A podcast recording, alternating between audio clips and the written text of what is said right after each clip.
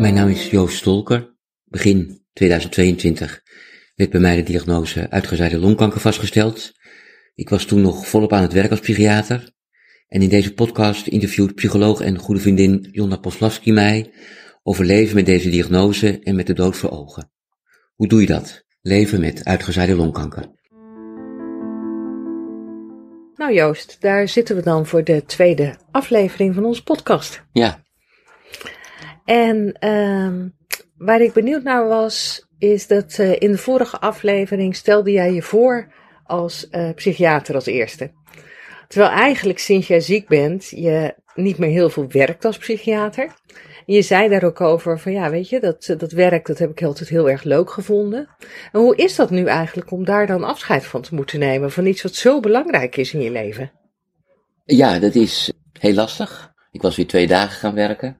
Ook eh, omdat het eigenlijk best goed ging en eh, nou, ik ook leuk vond om eh, weer wat actiever ook weer te gaan worden. En ik kreeg op een bepaald moment het bericht dat die kanker echt heel slecht ging en dat ik een, voor de hand lag om een, om een kuur te gaan doen. Ik doe mee aan een, aan een trial. En ik kreeg te horen dat, nou ja, als ik niks zou doen, of als de kuur niet zou aanslaan, dat ik dan een paar maanden tot een half jaar te leven zou hebben. Mhm. En toen dacht ik, ja, nu moet ik al mijn energie toch op wat anders richten. En bovendien met zo'n bericht kan ik me ook niet eh, concentreren eh, op mijn werk.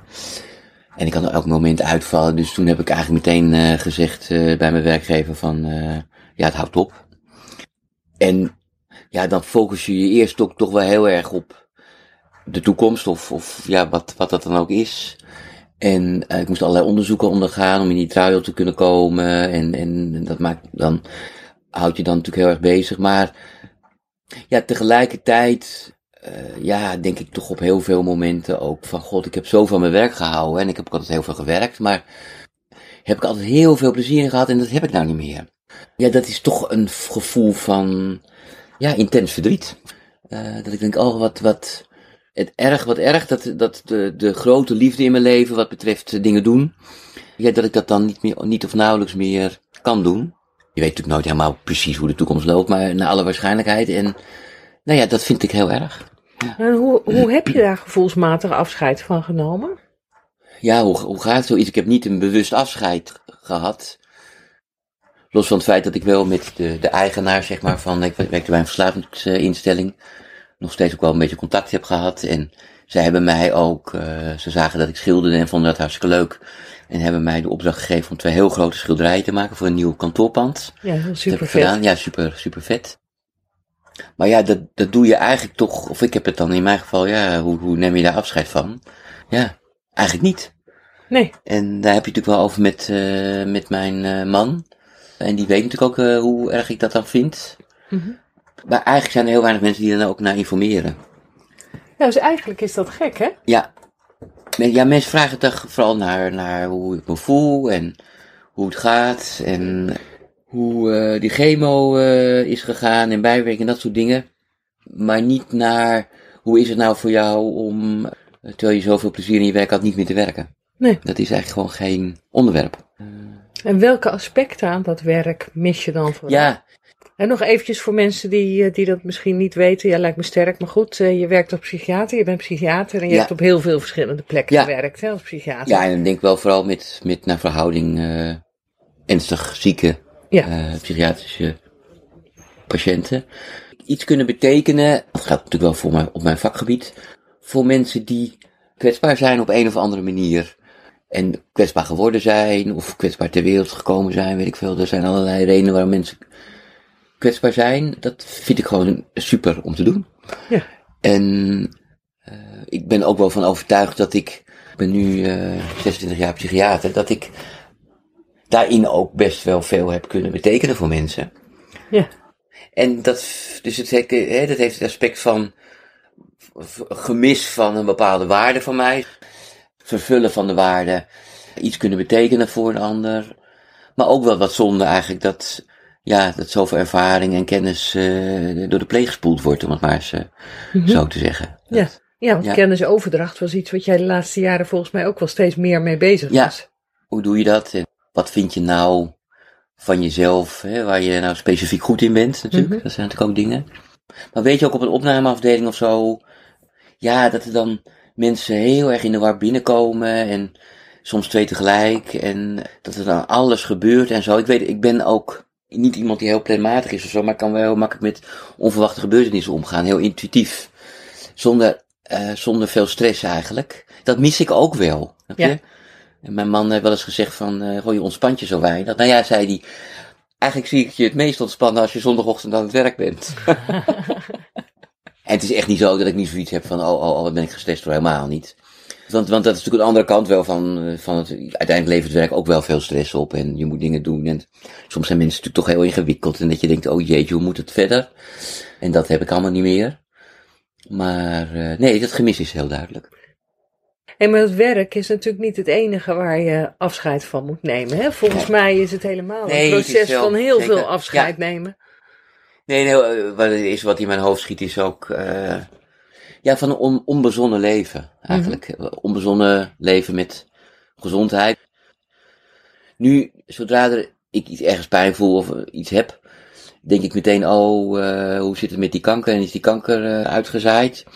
En dan gaat het ook meteen over de dood. Mm -hmm. maar, dus, en die onbezonnenheid dat je gewoon leeft, los van het feit dat we allemaal wel weten dat je van alles kan overkomen, die, die is er weg. En dat is best wel, ja, betekent dus dat je, dat je veel onzekerder uh, en ook wat angstiger het leven komt te staan. Ja. Dus afscheid van je gezondheid, van je onbezonnenheid. Hoe is dat voor Willem? Heel lastig, ook. Want van de week, hè, dan, uh, van de week had ik weer wat meer pijn in, in mijn rechterflank. En daar, heeft, daar, hebben in, daar hebben in het verleden ook uitzaaiingen gezeten. En ik ben er natuurlijk heel bang voor dat het opnieuw dan weer uitzaait daarheen. En dus op zich niet zo'n heel vreemde angst, zeg maar. Dat zou ook heel goed kunnen.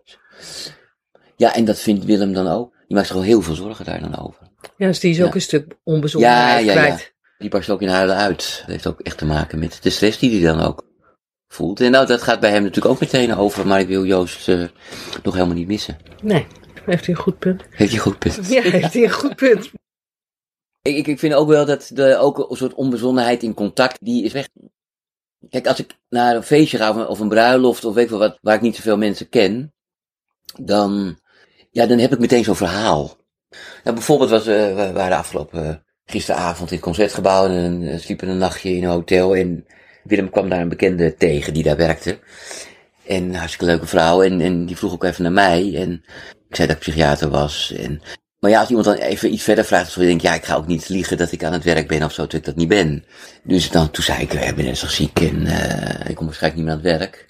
Maar dat is ook een boodschap die je, ja, dat is ook gewoon, weet je, je doet, je doet heel veel in zo'n gesprek meteen. Ja. Mensen schrikken zich uh, de apenlazerus. Een ander voorbeeld, hè, dat ik dan op de sportschool nu dan een vervanger heb van uh, mijn, mijn sportcoach. En dan vind ik het wel belangrijk dat zij weet dat ik ziek ben. Dat vind ik gewoon een soort veiligheid voor mezelf. Los van het feit dat ik denk dat, dat niemand daar veel aan, aan merkt. Maar zij schrikt daar natuurlijk, ja, meisje van 19, ze schrikt zich helemaal, uh, hij schrikt er hartstikke van.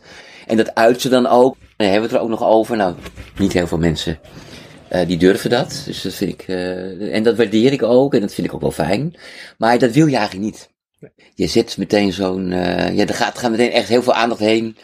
Terwijl, ja, dat is, ik snap het heel goed, maar dat is niet het mag er best over gaan, maar het is natuurlijk, uh, jij bent meer dan ja, Joost met kanker. Ja, dat zijn een aantal voorbeelden. Mm -hmm. En bij veel dingen, ja, bijvoorbeeld als het dan, bij, bij, dingen kan je ook denken, is dit dan de laatste keer? Of gaat natuurlijk in september op vakantie?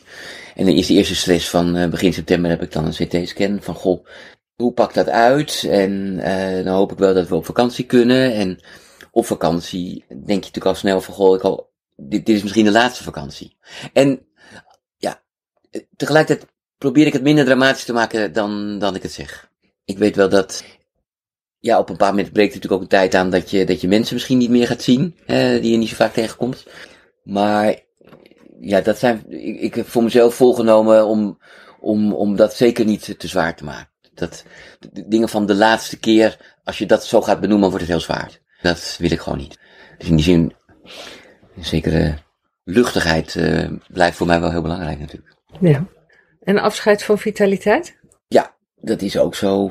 Uh, ja, hoewel ik me redelijk vitaal voel, denk ik wel van, goh, uh, ja, weet je, een paar jaar geleden stond ik om kwart voor zes ochtends op, ging ik naar de sportschool. En dan was ik daar om tien voor zeven. En dan eh, sportte ik tot acht uur. Eh, ging ik daar onder de douche, was ik om half negen. eh, daar vlak in de buurt. Op mijn werk, wat ook best wel heel druk was. En was ik ook nog best wel vaak laat thuis. Ja, dat ging gewoon prima. Ja, dat gaat natuurlijk echt helemaal niet meer. Ik moet vooral 's ochtends eh, best tijd nodig om op gang te komen. En als ik dan een paar drukke dagen heb gehad, dan eh, moet ik gewoon wel bijkomen. Los van het feit dat, dat, eh, dat ik ook nog best wel actief ben met sporten en van alles nog aan doen. Ja, dat vind ik verdrietig. Weet je, ook daarbij blijft het wel dat je dan voor jezelf, als je het zo vraagt, denk ik, oh ja, ik vind het ook ingewikkeld omdat er ook mentaal natuurlijk best veel meespeelt. Mhm. Weet je, als je verdrietig bent of denkt van, oh jee, het gaat niet goed of zo, dan voel je daar ook makkelijk moe bij.